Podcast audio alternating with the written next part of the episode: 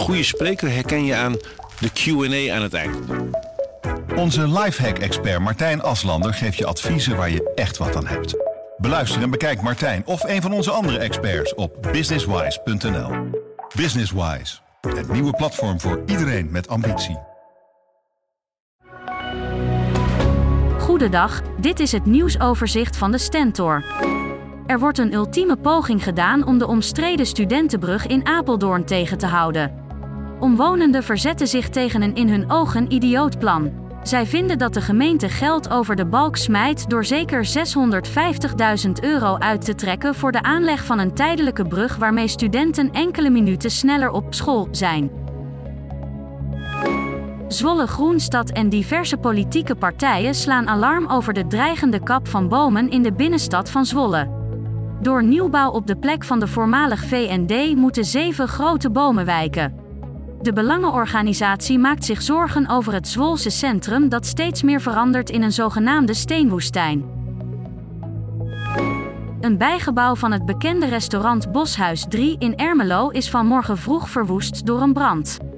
De brandweer wist wel te voorkomen dat het vuur oversloeg naar het restaurant zelf. Het bijgebouw fungeerde als opslag en kantoor. Bij de brand raakte niemand gewond.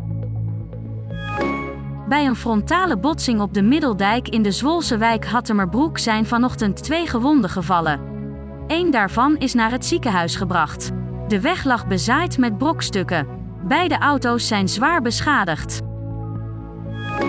PostNL is van plan om in 2023 200 tot 300 voltijdsbanen te schrappen. Ook neemt het bedrijf, waar zo'n 37.000 mensen werken, andere maatregelen om kosten te besparen. De bezuinigingen treffen vooral de afdeling pakketten, waar managementposities verdwijnen.